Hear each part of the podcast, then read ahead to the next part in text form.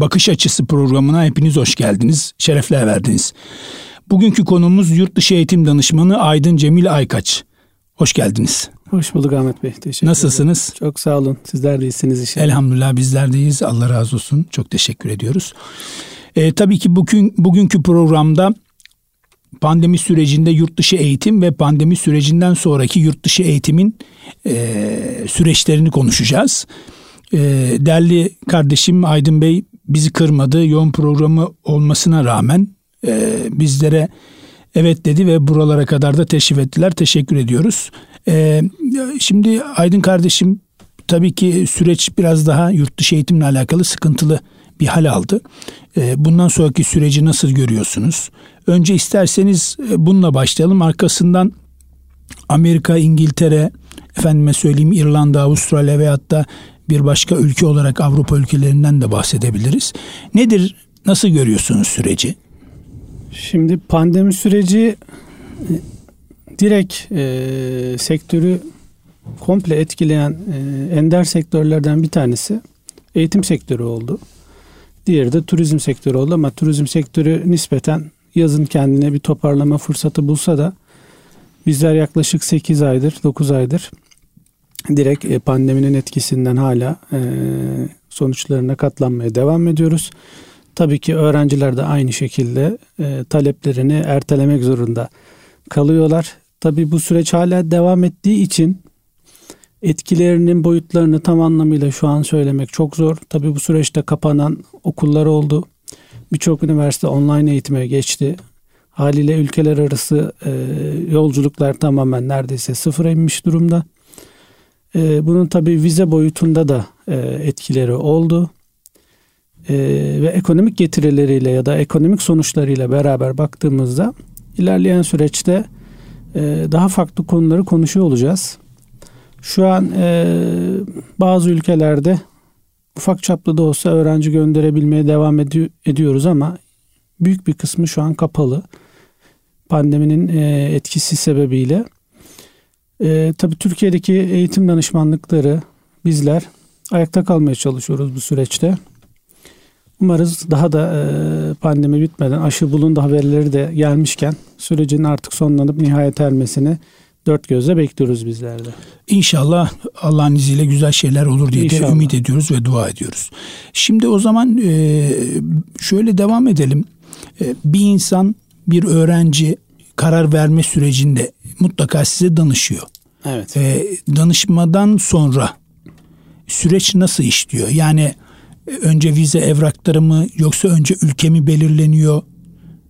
Dil okulu mu yoksa lisans, yüksek lisans nasıl bir süreç işliyor başlangıç Şimdi, itibariyle? Çok geniş cevap verebileceğim bir soru ama bence burada kişiler yani dil öğrenmeye karar verdikleri anda ilk yapmaları gereken şey bir hedef belirlemeleri gerekiyor. Hı hı. Yani sonuçta siz dil öğrenmeye e, lise iyi bitirdikten sonra da gidebilirsiniz. Üniversiteyi bitirdikten sonra da gidebilirsiniz yüksek lisans doktora aşamasında da gidebilirsiniz. Yani bu ihtiyacın sizin kapınızı ne zaman çalacağını bilemezsiniz.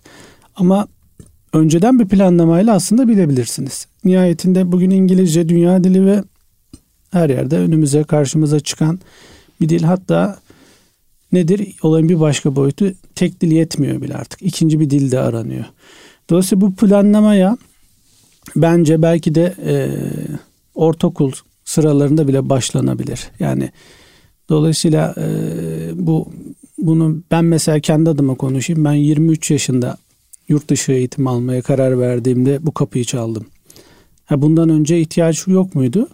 Evet ders olarak gördüğümüz bir İngilizceydi ama ne zaman ki İngilizce öğrenip hayata atılmamız gerçeği kapımızı çaldı o zaman farkına vardık. Benim buradan tabii ki bu planlama yapacak gençlere tavsiyem, bizi dinleyenlere tavsiyem ihtiyaç mutlaka kapınızı çalacak. Dolayısıyla planlamanızı ona göre yapmanız gerekiyor. Şimdi 100 yılda bir olan bir pandemiye denk geldik.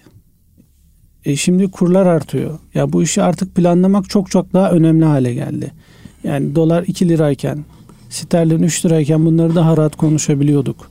Ama bugün gelinen noktada bu işlere ayrılan bütçelerin gerçekten çok iyi planlanması gerekiyor. Bu işin bir boyutu. Diğer boyutu ise evet planlamanızı yaptınız. Gitmek istiyorsunuz. Bir vize engelimiz var. Ya yani bu vizeyi alabilmek için de artık ciddi bir hazırlık yapmak gerekiyor. Yani gitmeye karar verdiğiniz ay evraklarınızı, dokümanlarınızı sunduğunuz zaman vizenizin geri çevrimle ihtim- ihtimali var. Niye? Çünkü hazırlık yok. Vize garanti değil. Değil. Yani böyle bir e, zaten garanti vize hizmeti olsa inan vize kavramı olmaz. Yani kapıda vize diye bir şey vardır. Mesela bugün bizim ülkemize gelen birçok yabancı devlet e, vatandaşları kapıda vize alıyor. Çünkü biz gelişmekte olan bir ülkeyiz. Turizme ihtiyacımız var. Ama bugün vize almaya gittiğimiz ülkeler gelişmiş ülkeler olarak bilinen gayri safi milli hasılaları yüksek ülkeler. Ve bu ülkelerde insanların kalma eğilimleri, göçmenlik eğilimleri olduğu için vize şartları zorluyor insanları. Özellikle bu yüksek kurlarda, ekonomik sıkıntılı dönemlerde bunlar daha gün yüzüne çıkıyor. O yüzden beni, bizi dinleyenlere tavsiyemiz hem maddi hazırlıkları hem de vize için yapması gereken, yapılması gereken işlerin hazırlıkları için en az bir yıl önceden bu işi planlamalara, planlamaya başlamaları gerekiyor ki biz de danışan insanlara bizim önerimiz bu planlama konusunda oluyor öncelikle. Şimdi mesela diyelim ki bu tabii ki bir süreç az evvel söylediğiniz Evet. gibi. Ee, öğrencimiz veyahut da yetişkin bir birey buna karar verdi. Burada tabii kişiden kişiye değişir ama yani genel manada sorduğumuz için ne kadar süre dil eğitimi almalı? Dil okulunu nasıl nasıl eee, seçmeli? Hangi üniversiteye başvurmalı veyahut da yüksek lisans da tabii ki arkasından geliyor ama yani ülke seçimini nasıl yapacak? Ülke seçiminde Yani ben Amerika'ya mı gideyim, İngiltere'ye mi gideyim, İrlanda'ya mı gideyim? Yani hep bu e, ku- kurlarla alakalı mı yoksa ülkelerin refah seviyeleri, dil öğrenme becerisinin kapasitesi? Şimdi inanın ben 16-17 yıl oldu bu işe başlayalı. Şunu çok net görebiliyorum ki ülkenin ekonomik gidişatı insanların kriterlerini de değiştiriyor. Mesela ben şu soruları, şu endişeleri taşıyan insanları da yönlendirdim. Ya Amerikan İngilizcesi mi, İngiliz İngilizcesi mi? Ya da ya işte Kanada çok soğuk, e, onun yerine işte e, daha sıcak bir bölgeye gidelim. İşte Malta'ya gidelim. Şimdi ise inanın belki bir buçuk iki yıldır tek sorulan soru gitmeyi düşündüğü ülkede yasal olarak çalışabilir mi? Yani ailesine yük olmadan masraflarını çıkarabilir mi? Şimdi trend bu. Ha, iki yıl sonra, üç yıl sonra ülkemiz, ülkemiz başka bir boyuta çıkar. Ekonomik olarak refaha erişiriz. Daha iyi durumda oluruz. O zaman kriterler yine değişebilir. Buna istinaden o zaman şu soruyu sorabilir miyiz? Amerikan seçimleri bundan sonraki süreçte Türkiye'den gidecek olan yurt dışı eğitim öğrencilerini etkiler mi? Etkiler çünkü Trump e, ilk seçildiğinde çok sertti bu konularda. Yani hatta birkaç ay önce e, ülkeye başvuracak e, öğrencilerin vizeleri durduruldu. Şu an hala kapalı sınırlar. Vize başvurusu yapamıyorsunuz. En yakın vize randevusunu 2001 yılının Eylül ayına alabiliyorsunuz. Hala netleşmiş değil. Dolayısıyla yeni seçilecek başkanın e, önüne tabii ki bir takım rakamlar gelecek. Amerika bu işten çok büyük bir para kazanan bir ülke. Yani büyük bir sektör Amerika'da. Üniversite sektörü, dil okulu sektörü. Bu, bunu bir çırpıda ellerine al, e, yani göz ardı edebileceklerini sanmıyorum. Mutlaka bir takım kolaylıklar, iyileştirmeler olacaktır. Ama şu an pandemiyle ciddi anlamda uğraşıyorlar. Günlük vaka sayıları çok yüksek. Bu hengameye öğrencileri zannediyorum bulaştırmak istemiyorlar. O yüzden belli bir süre daha e, Amerika ile ilgili aktif öğrenci alımı mümkün olmayacak gibi görünüyor. Pekala yine az evvel e, zikrettiğiniz bir şey vardı. Hani öğrencilerin trendi şu anda çalışma vizesi. Yani eğitim sırasında ve eğitimden sonraki süreç. E, doğal olarak ailelerine de yük olmak istemiyor gençler. En doğal da hakları ve güzel bir düşünce. Evet. Nasıl bir yol izliyorsunuz burada? Hangi ülke daha avantajlı? Şu an öğrencilerimize, Türkiye'den giden öğrencilerimize yasal olarak, part time olarak haftada 20 saati geçmeyecek şekilde çalışma izni veren birkaç ülke var. Bunlardan bir tanesi ve bizim coğrafyamıza en yakın olarak İrlanda var. Uzak coğrafya olarak Avustralya var. Ee, bunun dışında Malta'da 6 aylık bir programa giden öğrenciler 3. aydan sonra çalışma iznine başvurabiliyorlar. Orada da kısmen var diyebiliriz. Yeni Zelanda'da var ama yani Yeni Zelanda artık çok tercih edilmiyor. Ee, Hem dünyanın sonu olduğu için. Evet. Yani Yol uzak. paraları çok rentable değil. Yani burada karşılığını bulamıyorsunuz. Para alışverişleri sıkıntılı. O yüzden hani o coğrafya için Avustralya ee, ve İrlanda şu an çok aktif. İngiltere'de yıllar evvel benim gittiğim dönemlerde vardı ama İngiltere'de Brexit süreciyle beraber bunların hepsinden vazgeçti. Öğrenciye verdiği bu hakkı almış oldu. O yüzden dil okuluyla giden öğrencilerin İngiltere'de çalışmaları mümkün değil. Aslında en çok tercih edilen ülkelerin başında ama sterlinin kuru malum bir de çalışamayacaklarını düşündüklerinde biraz gözden düşüyor. Tabii ki şu soru eminim kafalarından geçiyordur dinleyicilerin. Yani illa hani yasal izin şart mı? Yasal izin olmadan çalışılmıyor mu? Biz tabii ki işin yasal kısmını söylemekle mükellefiz. Tabii ki herkes e, bu şekilde çalışıyor diyemeyiz. Tanıdıkları olabilir. Hani gider orada belli bir küçük bir ücretle ama bu işin olması gereken yasal olarak çalışıp ödediğini kazandığınız ver, e, paradan devlete de e, vergi ödeyerek hem resmi hem de tabii başı ki, ağrımayacak şekilde. Tabii ki diğer türlü tavsiye etmiyoruz. Tabii kanunlara karşı tabii gelmiş ki, oluyor yani o zaman sıkıntı. Riskli duruma düşersiniz. Size bu şekilde akıl verenler olabilir. Ya gel işte yaparsın. Bunları çok dikkate almamalarını tavsiye ediyoruz. Ee, peki hala Avustralya'da biliyoruz. Ben de daha önce gitmiştim. Evet siz de bulundunuz. Bitirdikten sonraki süreçte yaklaşık bir iki aylık, üç aylık daha hani kalabilme şansı veriyorlardı. Hakeza İrlanda'da ediyor. da var mı böyle bir şey? Evet çünkü o süre e, açıkçası bir öğrenciye bir şey veriyor. Yani bir düşünme payı veriyor. Bir dinlenme payı, bir evet. gezme payı gibi yani bir şey. Düşün, yani gezme payı olarak düşünebilirsiniz ya da ikinci bir adım atacaksa orada. Bunun için bir yasal süre kalması gerekiyor. Her iki ülkede de böyle bir iki aylık boşluk var. Yani sadece bu iki ülkede mi var? Yani Aydın çalışma Bey? izni olduğu için söylüyoruz. Hı-hı. Yani hani çalışma izinleri verilirken böyle bir e, ekstra bir pay koyuluyor sonuna. Hani çünkü uzatabiliyorsunuz. Tabii uzatma yani, hakkı da veriyorlar. Mesela aslında bu öğrenciler için iyi de bir kariyer fırsatı da olabiliyor. Örnek veriyorum İrlanda'da part-time bir işe girdiniz. Aynı zamanda okuyorsunuz. Ve iyi bir çalışan oldunuz. Ve orada bir yılı aktif tamamladınız. Bu çok bir, büyük bir başarı olarak görülüyor. Ve size diyorlar ki sen burada bir yıl aktif çalışabildinse e, biz sana çalışma iznini uzatalım. Sen çalışmaya devam et. Çünkü burada benim öğrencilerime en büyük tavsiyelerimden biri de budur. Yaptığınız iş tabak silmek dahi olsa bunu en iyi siz yapın diyorum. Yani patronunuz sizi ya hakikaten iyi çalışıyor desin. Böyle olunca gerçekten başka fırsatlar ve başka kapılar açılabiliyor.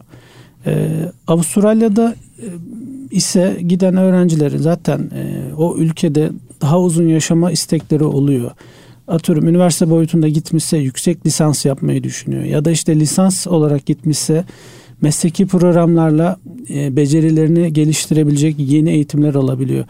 Ve bunları yaparken tabii bir yandan da çalışıp bir yandan da o ülkeye aslında alışmaya başlıyorlar.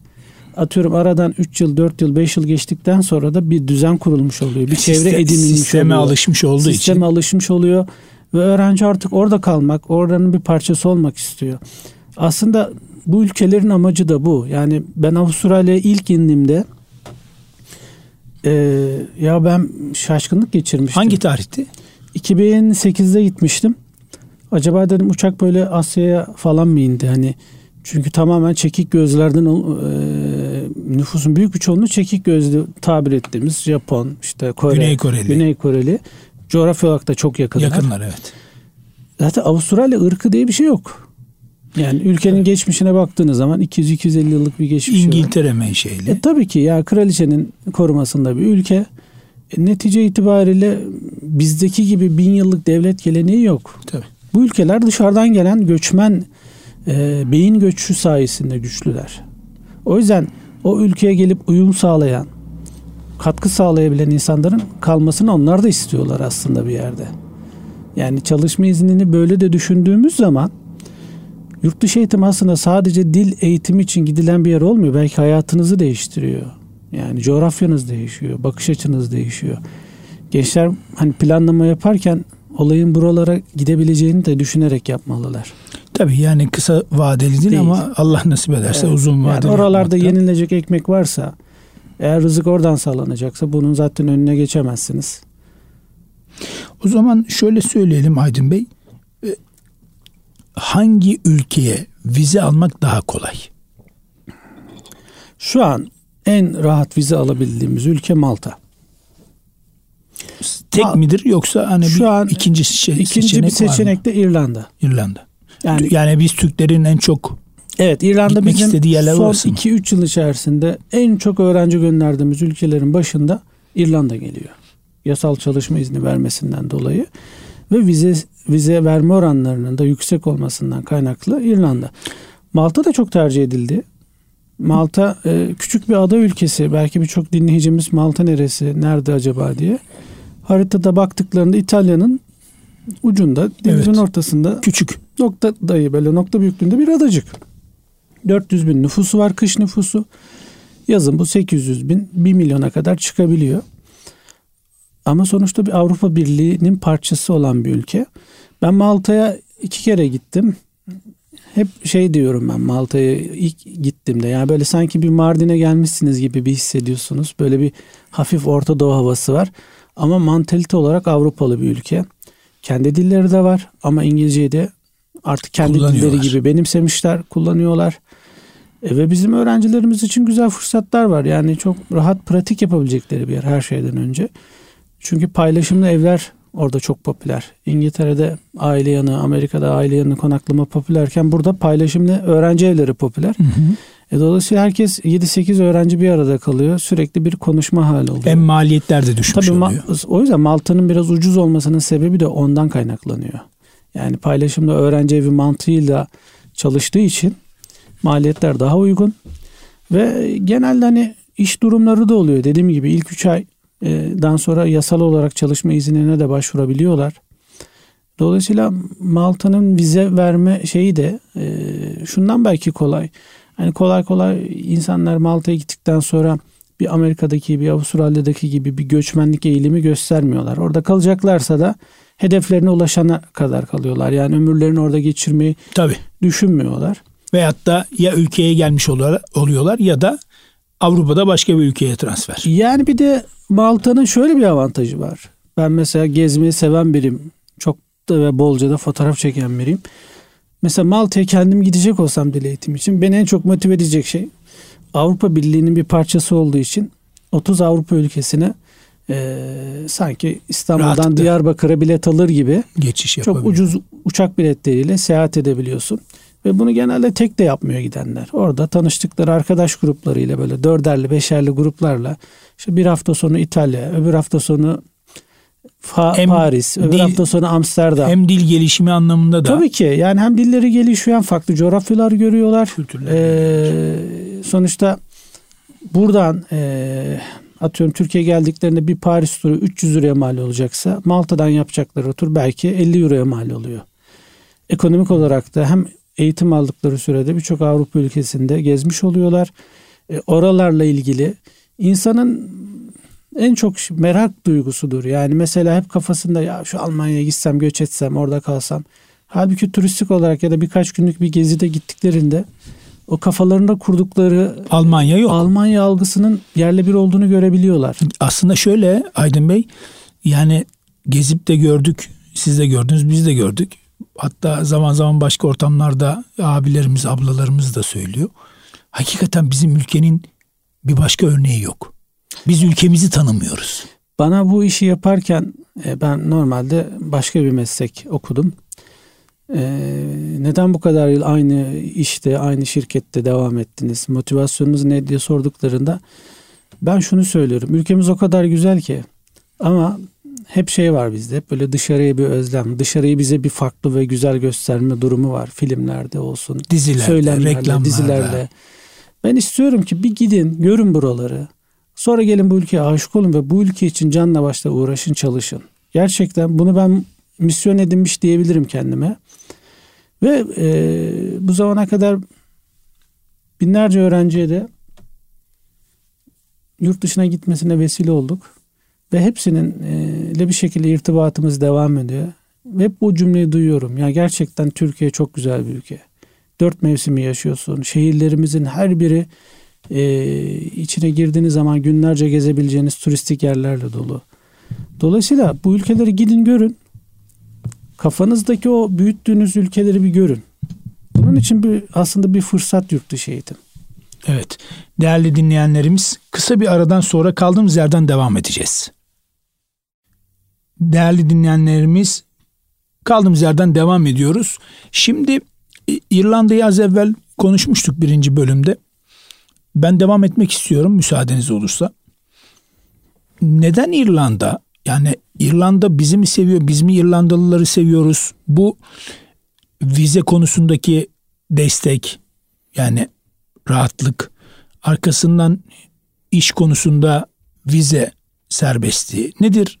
Bize biraz anlatır Tabii. mısınız? Aslında İrlanda bizim 2015'e kadar portföyümüzde olmayan bir ülkeydi. Evet çok ilginç gelecek yani, belki de. Daha yeni. Evet evet ben mesela Allah Allah. meslek hayatımın son 5 yılında İrlanda e, ya öğrenci göndermeye başladık. Ondan önce ha yok muydu vardı. Ama bu kadar yoğun ilgi alaka yoktu. Onlardan da böyle bir sıcak ilgi alaka yoktu. Son 5 yıldır böyle bir e, faaliyet yürütüyorlar. Resmen hani kapılarını açtılar diyebiliriz. Ama geçmişte bir ilişkimiz onu, var da ona, neden son 5 yıl? Onu anlatacağım. Onun açıkçası e, şeyini bilemiyorum. Yani niye böyle bir şeye karar verdiler? Bir şey mi tetikledi acaba? Bir şey tetiklemiş olabilir. Onun çok üstüne düşmedim. Mutlaka onun da bir sebebi vardır. Ama tarihsel bir sebebi zaten var. Onu aslında paylaşmak lazım izleyicilerimizle. 19. yüzyılda e, İrlanda o zaman İngiltere kontrolünde çok büyük bir kıtlık e, 1847 yılında Kara 47 olarak geçen tarihe bir kıtlık oluyor. Ve tabi parası pulu imkanı olan yaklaşık 1 milyon İrlandalı o dönem Amerika'ya göç ediyor. Tabi imkanı olmayan, gidemeyen e, İrlandalılar ise ölüme terk ediliyor. Tabi Osmanlı durumu, Osmanlı Padişahı Abdülmecit bu durumu İrlanda'dan dönen bir diş hekimi vasıtasıyla öğrenince hemen yardım göndermek istiyor ve o dönemin parasıyla 8 bin sterlin yardım göndermek istiyor. Fakat şöyle bir şey oluyor o dönem. O dönemki İngiltere Kraliçesi Victoria sadece 2000 pound yardım etmiş. Ee, kendisine bağlı olduğu evet, halde. kendisine bağlı olduğu halde. Dolayısıyla kraliçenin yardımının dört katı bir yardımı kabul edemeyeceklerini söyleyince e, Abdülmecit bin sterlin olarak yardımı gönderiyor. Fakat tabii bunun yeterli olmadığının o da farkında. Bir şekilde el altından yardım göndermenin yollarını arıyorlar. E tabii ki Dublin limanına ve Cork limanına ki bunlar Avrupa'nın en büyük limanlarıdır. E, yemi yanaştıramayacaklarını bildikleri için bizim şu an öğrenci gönderdiğimiz dil okulumuz olan Durakeda şehrine gemilerle yardım gönderiyorlar. O yüzden Durakeda şehrinde zaten 100-150 bin nüfuslu bir yer orası da. Orada ayrı bir seviliyoruz. Yani oranın halkı. E, bir anıt da var evet, bildiğim kadarıyla. Evet. Yani böyle bir tarihsel yaklaşık 100, 147 yıl önce gerçekleşmiş bir olay. E, hatta 173 yıl pardon. Pardon 140, 1847 olduğu aynen, için aynen. 2020 evet. Yani dolayısıyla 173 yıl geçmesine rağmen unutulmayan bir kadir şinaslık var. Osmanlı'nın e, uzanan yardım eli var. E tabii ki bu bu güzel de bir film olur aslında. Buradan bizi dinleyen film yapımcılarına e, güzel bir senaryo olur bundan. Nasıl bir al, al, aile filmi çekilmişti. Beni çok etkilemişti izlediğimde. Güney Kore. Evet. Yani bu, bu da çok güzel bir senaryo. Yani o kadar yardım var ki elhamdülillah. Yani, yani aslında şunu çok laf çok çok fazla da film yapılabilir. Evet. Buyurun. Tarihimizde öyle güzel olaylar var ki yani Hollywood e, Hollywood'un elinde bizdeki kaynak olsa herhalde senaryo sıkıntısı çekmez. E, onlar kendi başlattıkları savaşların filmlerini bile dünyaya satabilirken bizim bu elimizde öyle senaryolar var ki film yapılmayı bekliyor. Ve gerçek. Ve gerçek. Kurgu değil yani. Yani İrlanda ile olan böyle bir bağ var. E, tabii ki e, şu ekonomik koşullarda öğrencilerin anne babalarına yük olmadan orada kendi yağlarıyla kavrulabilmeleri hatta para bile biriktirebilmeleri ve iyi çalıştıkları takdirde orada çalışma izinlerini uzatabilmeleri. E, bunlar çok önemli avantajlar. Çünkü bugün e, ülkemiz zor bir dönemden geçiyor. Devletimiz e, zaten bunun farkında. Söylemlerinde de bunu görüyoruz. Belki birkaç yıl, belki daha uzun süre bu sıkıntılı dönem geçecek. E, dolayısıyla bu dönemde dil eğitimi alarak orada bu dediğim fırsatları yakalayan öğrenciler e, ekonomik olarak da işte düşünseniz okulu yeni bitirmiş bir takım hayalleri var. Bunu böyle de değerlendirebilirler. Orada, Tabii dünyada da aslında sevgili Aydın bir Tabii pandemi sebebiyle var. bütün dünyada pandemi sıkıntı var. sıkıntısı var ama dediğiniz gibi bu pandemi sürecini hani böyle fırsatları yakalayarak eğer uygularlarsa öğrenciler Ve, tabii ki geldiklerinde daha da sıkı bir şekilde de ülkelerine hizmet etmiş olurlar.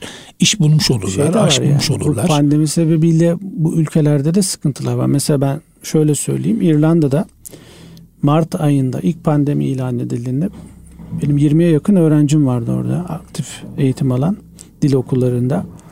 Ee, bunların birkaç tanesi geri dönmek istedi büyük, büyük bir çoğunluğu orada karşıladı. Ve oranın İrlanda hükümeti bu öğrencilere haftalık 352 euro yardım yapmaya başladı. Ve bir öğrencimle konuşuyorum. Bana dediği şey şu ben zaten burada normalde 200 euro falan kazanıyordum. Şu an 352 euro devlet bana yardım ediyor. Yani oradaki dil okulu öğrencisi bile olsa mağdur etmediler. Yani haftalık yardımlar ve hala da devam ediyor. Bir de geçen hafta e, vakalar artınca tekrar okulları açmışlardı. Tekrar online eğitime döndüler. 6 Aralık'a kadar şu an orada okullar kapalı. Haliyle e, restoranlar, publar yani orada iş bulabilecekleri alanlar da kapandı ya da işte yarı zamanlı çalışıyor falan.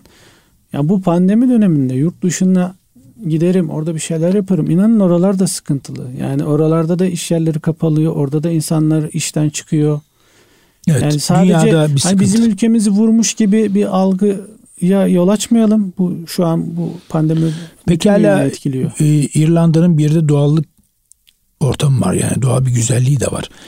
E, sen gitmiş miydin? Ben e, geçen sene Gitti. bir 10 e, günlüğüne e, aşağı yukarı 5 şehrini kapsayan bir gezi turu olmuştu bizim e, derneğimiz, Eğitim Danışmanları Derneğimiz OED'nin katkılarıyla bir öyle bir gezimiz olmuştu. Orada bütün şehirlerini görme fırsatı Şimdi İrlanda buldu. doğal zenginliği var. E peki hala yanında da İskoçya var. İskoçya ile öğrenci ilişkimiz ne durumda? Yani İskoçya zaten şeye bağlı aslında şu an İngiliz British Krallık e, kapsamında İngiltere vizesi alarak gittiğiniz bir yer. Yani İskoçya'ya İrlanda vizesi alarak gitmiyorsunuz. İrlanda kendi vizesini veriyor. Yani İrlanda'ya giderken İngiltere vizesi alıp gitmiyorsunuz. Kendi bir vizesi var. Ayrı bir cumhuriyet. Ama Peki, İskoçya British, British krallık içerisinde İngiltere'ye bağlı. Hı. Pekala e, şimdi en azından konuştuğumuz ülkeler anlamında İrlanda olsun, e, Malta olsun. Tabi Avustralya uzak ama iş yani eğitimden sonraki süreçte önemli olduğundan dolayı ne kadara mal oluyor? Ortalama bir rakam verebilir miyiz? Yani ben ee, şöyle söylüyorum. Bu özellikle çalışılabilen İrlanda için bizim e, paketlerimiz 3500 Euro'dan başlıyor. 6500 Euro'ya kadar farklı farklı seçenekler var. Ne kadar süreyle? Şimdi bu 25 haftalık bir programla gitmeniz gerekiyor. Bu da yaklaşık 180 gün yani 6 ay yapıyor. 6 aylık bir pakete 3500 Euro'dan başlayarak seçenekler alıyoruz. Ne var bu 3500 Euro'nun içerisinde? 6 ay dil eğitimi. Sabah öğle arası haftanın 5 günü eğitim alıyorsunuz. Bu fiyata dahil. İlk 4 hafta yemekli İrlandalı bir ailenin yanında tek kişilik odada yarım pansiyon yemekler dahil bir konaklama. İrlanda'ya oturum alacağınız için sağlık sigortanız bu fiyatın içinde vesaire kayıt ücretleri var. İşte konaklama kayıt ücreti, okul kayıt ücreti ve okulda kullanılacak ders materyalleri. Şimdi öğrenci ilk planda bunları ödeyip gittiğinde geriye ne kalıyor? Vize başvuru maliyetleri ve uçak bileti maliyetleri kalıyor masraf olarak kendine. Bu 3500 liranın üstüne bu maliyetleri de koyalım. Diyelim ki 4000 euro. Bir maliyet daha var. Oraya gittiğinizde oturum başvurusu yapmanız gerekiyor. Bunun için de bir 350 euro. E ne yaptı bize? Cebimize koyacağımız ilk ay harçlıkla beraber kabaca söylüyorum 5000 euro Yani e, bir 45-50 bin lira civarında bir bütçesi olacak bir öğrencinin İrlanda'ya gidebilmesi için. Yani ha sonra neden bir aylık konaklama ekliyoruz? Onun esprisi de şu. Yasal çalışma izni var öğrencinin. Umuyoruz ki 4 hafta içerisinde kendi parasını kazanabileceği, cebindeki harçlık tükenmeden para kazanabileceği bir süre tanımlamış oluyoruz. Ha, bu 4 hafta içerisinde iş bulamayan öğrencinin maliyeti katlanır. Yani ailesinden oradaki bir aylık e, konaklaması ve cep harçlığı ve ulaşım giderleri için en az e, 600 ila 1000 euro arası ihtiyaç hasıl olacaktır. İşte bu parayı orada çalışarak kazanmalarının ne kadar e, ailelerine büyük bir katkı sağladıklarını böylece görmüş olacaklar. Bu paraları aileleri göndermeden orada kazanıp geçimlerini temin edebilirler. İlk dört haftanın manası bu.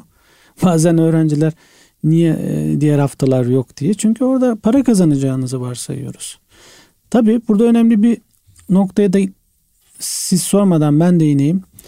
En çok bana sorulan soru orada iş bulabilir miyiz? Ya da evet. siz iş buluyor musunuz? Arkadaşlar size hiç kimse bu tarz böyle part time bir e, iş durumunda size kimse iş bulmaz. Bulamaz yani. Bu işi siz bulmak zorundasınız. Çünkü bu işi gidip isteyebilecek kadar İngilizceye sahip olmalısınız. En başta sorduğumuz planlama sorusu vardı ya hatırlarsınız. Evet. İşte burada o planlamanın ne kadar önemli olduğu önemli önemi ortaya çıkıyor. Eğer siz iyi bir planlama yaparsanız ve en azından İngilizcenin bir ve ikinci kurlarını Türkiye'de memleketinizde size Türkçe anlatabilecek bir hocadan bunları öğrenip oraya hazır giderseniz o dört haftalık sürede İngilizceyi en azından derdinizi anlatabilecek kadar konuşur hale gelir. En azından bir iş bulabilirsiniz. Ama siz bir iş isteyecek kadar bile İngilizceniz yoksa çalışabileceğiniz bir ülkeye gitmenizin de bir anlamı yok. Süreç de uzuyor. Evet süreç yani, uzadıkça maliyet uzuyor. Hem o hem de şimdi e, Türkçe Türkçenin bir yapısı var. Hani yüklemi var, öznesi var, fiilleri var. Şimdi bunu Türkçe olarak burada öğrenirsen hani İngilizce karşılığıyla birlikte tamam. Ama orada sıfırdan alınca bazen yerinde oturmuyor. Burada sıkıntı ne biliyor musunuz? Orada öğrenip en çok şey pardon özür diliyorum. Burada öğrenip biraz az evvel söylediğiniz gibi ondan sonra giderse süreci daha da hızlandırmış oluyor. Amenna.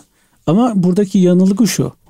Mesela buradaki kursları, buradaki çabaları çoğu öğrenci gereksiz buluyor. Diyor ki ben diyor 8 ay bir sene kursa gittim konuşamadım diyor. Ben de diyorum ki burada hangi kursa giderseniz gidin zaten konuşamayacaksınız. Buradaki kursa gitmenizdeki motivasyon sizi konuşturmak olmayacak. Siz İngilizcenin altyapısını, gramerini, kelimelerini, kelime hafızanızı genişletmek, siz bunları halledeceksiniz. Yani oraya gittiğinizde zaten konuşma kısmı orada halledilebilecek bir şey. Yani o İngilizce konuşulan insanlarla bir arada kaldıkça doğal ortamda her gün sürekli kulağınıza İngilizce sesler geldikçe olacak bir şey bu. Dolayısıyla buradaki eğitimleri yabana atmamaları gerekiyor. Burada temeli iyi atmazlarsa orada bunu geliştirebilecek bir altyapı kurmaları çok uzun zaman alır ve çok maliyetli olur. İşte bu yüzden planlamada bizim önümüze işte ben bir kursa gittim B1'i tamamladım dedikleri zaman ben öğrenciyi daha farklı bir yere koyuyorum. E, danışmanlığı Tabii ki. baştan itibaren alıp Tabii ki daha hazırlıklı olduğunu düşünüyorum. Hatta bize yurt dışına direkt gitmek için gelen bir öğrenci sen önce burada bir kursa git diye geri çevirdiğimiz çok oluyor. Şaşırıyorlar yani hani siz göndermek istemiyor musunuz? Hayır biz göndermek istiyoruz ama doğru zamanda göndermek istiyoruz. Sen oraya gidip orada perişan olacaksan bu yarım İngilizcenle ya da hiç İngi, sıfır İngilizcenle e, bizim dediğimiz gerçekler oraya gidince birkaç hafta sonra anlayacaksın neticede. Ya danışmanlık böyle bir şey zaten. Yani biz satıcı değiliz ki biz bir şey satmaya uğraşan insanlar değiliz. Biz bilgimizi paylaşıp bu bilgimizle e, yol alıyorsunuz. Yönet yani temsilciliğini yaptığımız okullardan biz bunun karşılığını alıyoruz. Biz öğrencimizden herhangi bir bedel almıyoruz ki. Yani bize soruyorlar siz nasıl ücretsiz danışmanlık yapıyorsunuz? Çünkü ben o okulu gidiyorum görüyorum. Gördüklerimi anlatıyorum. Ve bunu sen bu bilgiyi alıp o okulu tercih ettiğinde ben o okuldan zaten bunun bedelini alıyorum. Dolayısıyla bizim yönlendirmelerimizde bir an önce gitmesi değil öğrencinin doğru zamanda gitmesi çok önemli. O yüzden buradaki kursları mutlaka önemsesinler. Konuşturmasa bile dediğim gibi buradaki kurslar sizi konuşturmaz çok zor. Çünkü türlü türlü reklamlar görüyorum. İşte rüyada İngilizce öğrenme, 5 dakikada İngilizce konuşma. 5 günde kampa beş günde girme. bilmem ne. Arkadaşlar bunlar ne biliyor musunuz? Yani e, papağanı bile bu kadar çalıştırırsan tekrar eder yani. Bunun bir önemli olan bunu hayatınızın bir parçası haline getirebilmek. Şu an senin sizinle konuştuğum hızda ben şu an mesela hangi kelimeyi nereye koyacağımı düşünmüyorum. Ana dilim çünkü bu. İngilizce de bu seviyeye gelebiliyor. Ben bunu gördüm Tabii öğrencilerimde. uygulama yaptıkça. Tabii ki. Ve e, en büyük yapılan hata dil öğreniminde kelimelerin beyninize yer değiştirmesi. Biz buna Google İngilizcesi diyoruz. Yani evet siz belli bir seviyede İngilizce konuştuğunuzu sanıyorsunuz. O İngilizce düşünme mentalitesini oturtamadığınız zaman sadece kelimelerin yer değiştirme hızı artıyor. Yani mesela siz diyorsunuz ki Ali çok ağır başlı bir çocuktu. Ali is head boy. Çünkü ağır başlı kelimesinin bir karşılığı var. Ama siz ağır kelimesiyle baş kelimesini kafanızda birleştiriyorsunuz. Tercüme ediyorsunuz. Bu İngilizce değil. Türkiye'de birçok insan bu mantıkla İngilizce konuşuyor ve İngilizce konuştuğunu sanıyor. Biraz da şey de var herhalde değil mi? Türkçe düşünmek İşte bu. aslında yanlış. Tabii ki tamamen yanlış. Çünkü siz Türkçe konuşarak yani Türkçe düşünerek konuştuğunuz bir İngilizce ile bir İngilizce anlaşamazsınız. Çünkü biz mesela biz anlaşırız bak bizim Türklerin e, Türkçemizin böyle bir güzelliği var. Biz mesela Sultanahmet'te bir turist kırık bir cümle bile kursa biz ne demek istediğini anlarız ama İngiliz anlamıyor. Hani leb demeden leblebi ola bize mahsus bir şey. Bunu ben yine yurt dışına gittiğimde edindiğim bir tecrübedir. Kendi dilimizin, kültürümüzün ne kadar geniş, ne kadar böyle kapsayıcı olduğunu yine bu e, iş sayesinde bizzat tecrübe etmiş durumda. Biraz da şeyin de etkisi yok mu? Yani insanımızın parlak zekası. İşte onu anlatmaya yani, çalışıyorum. Ben de onu Çok gördüm. basit bir örnek mesela. vereceğim. Belki komik bir örnek olacak. Hatta yurt dışına gittiklerinde bunu denesinler. Bazen alışverişlerde bozuk para almak istemeyiz. İşte atıyorum 60 kuruşluk bir şey alırsınız. 1 lira uzatırsınız. Size şimdi 4 tane 10 kuruş verecek. Hemen bir 10 kuruş koyarsınız üstüne. Tek parça bir 50 kuruş alırsınız. Akıllıca bir harekettir. Cebinize bozuk paralarla gezmek. Bunu yapamazsınız yurt dışında. Yok Yani- mesela Avustralya'da bizim başımıza geldi. 55 dolar tuttu Avustralya Evet. doları. İşte biz 100 versek ne olur? 45. Karşılığında 45 gelir. Ben 105 verdim. Hani Anlamadı. 50 alayım diye. dedi ki ne yapıyorsunuz dedi. ben de Evet. dedim ki yani 105 veriyorum siz hani 45 ya. Bozuk vermeyin bana tam verin. Hesap yapmaya başladı.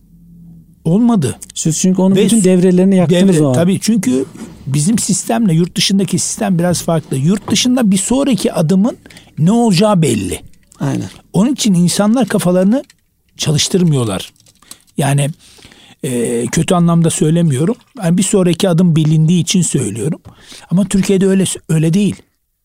Tamam bizde de bir sistem var ama öyle değil. Biz bir sonraki adımı kendimiz de tasarlayabiliyoruz. Yani bunu uygulamaya geçmeden önce. Şimdi tabii ki e, sevgili Aydın kardeşim süremiz bitmek üzere.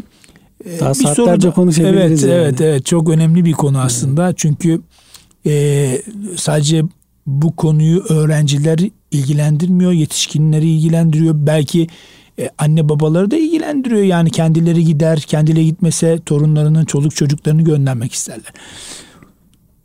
Bir anne veya baba çocuklarıyla birlikte ailece gidebilirler mi?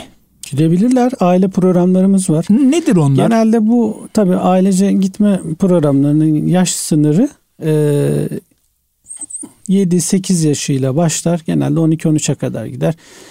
Genelde 13 13 yaşına geçen bir öğrenci isteseniz de ailesiyle gitmek istemezler. Artık biraz daha ben birey oldum. Kendim gidebilirim. Hava sakin olduğu için genelde 7 ile 12 yaş arasında çocukları olan aileler çocuklarıyla Genelde bunlar kısa süreli programlar olur. Böyle iki haftalık, üç haftalık hem böyle bir e, coğrafya değiştirmek, hem farklı bir ülke görmek, hem biraz İngilizceyle iç içe kalmak, farklı yerler gezmek, dolaşmak. Bu bütün bu motivasyonlarla genelde tercih ediliyor ve genelde çok uzak coğrafyalar değil, yine yakında İngiltere, İrlanda, Malta, genelde buralar tercih ediliyor. E tabi ailece gidildiği için e, anneye ve çocuğa ayrı bir konaklama genelde ayarlanıyor. Biraz niş programlar olduğu için maliyet olarak şu an e, karşımıza çıkan rakamlar biraz üzebilir bizi. Ama genelde bu zaten üst gelir grubundaki ailelerden talep oluyor bu programlara. Gönül isterdi ki herkes gidebilsin, maliyetler daha uygun olsun. Ama üzülmesinler. 12-13 yaşına geldiklerinde kendi başlarına 2-3 haftalık çocuklarını gönderebilirler. Yani illa başlarında ha ben şahsen çok doğru bulmuyorum. Onu da söyleyeyim. Yani annesiyle o programa giden bir çocuğun o programdan çok fazla alabileceği bir şey yok bana göre. Ben genelde çok tasvip etmiyorum. 13 yaşına gelsin kendi gitsin. Bir özgüven gelsin. Bir görsün ya ben tek başıma gidebildim, gelebildim. Tabii öyle bunun, hassasiyeti... Bunun inanılmaz faydası var çocuğa yani. Bu konuda hassas olan ailelerimizi de tabii yönlendiriyorsunuz. Tabii Ona ki. göre çocuğun, İlla başında gitmek e, istiyorsa gönderiyoruz. Yok onun haricinde mesela gideceği okul, kalacağı yer. Ya şöyle söyleyeyim Ahmet yani Bey. çocuğun kontrol anlamında. Biz çocukları tek Bey? başına gönderdiğimizde bile inanılmaz bir kontrol mekanizmasıyla gidiyorlar. Havalimanına indikleri anda her şeyleri kurallı, dışarı çıkma saatleri belli ee, ve orada neleri yapıp yapamayacaklarını, hangi saatlerde çıkıp çıkamayacaklarını, nerelere gezecekleri bunların hepsi programlı. Yani çok büyük bir e, güvenlik halkası içerisinde gidiyorlar. Hani öyle başı boş kalma durumları yok. O yüzden diyorum yani ben gönül rahatlığıyla kendi çocuğumu gönderebilirim böyle bir programa. Evet. Sevgili Aydın Bey kardeşimize bu güzel ve verimli sohbetinden dolayı dinleyicilerimiz adına teşekkür ediyorum. Rica ederim. Çok mutlu oldum ben de burada olduğum için. İnşallah faydalı olabilmişizdir. İnşallah çok da güzel, çok da geri bildirimi olan yani bilgiler de aldık. Allah razı olsun. Değerli dinleyicilerimiz bir sonraki hafta görüşmek üzere. Allah'a emanet olunuz.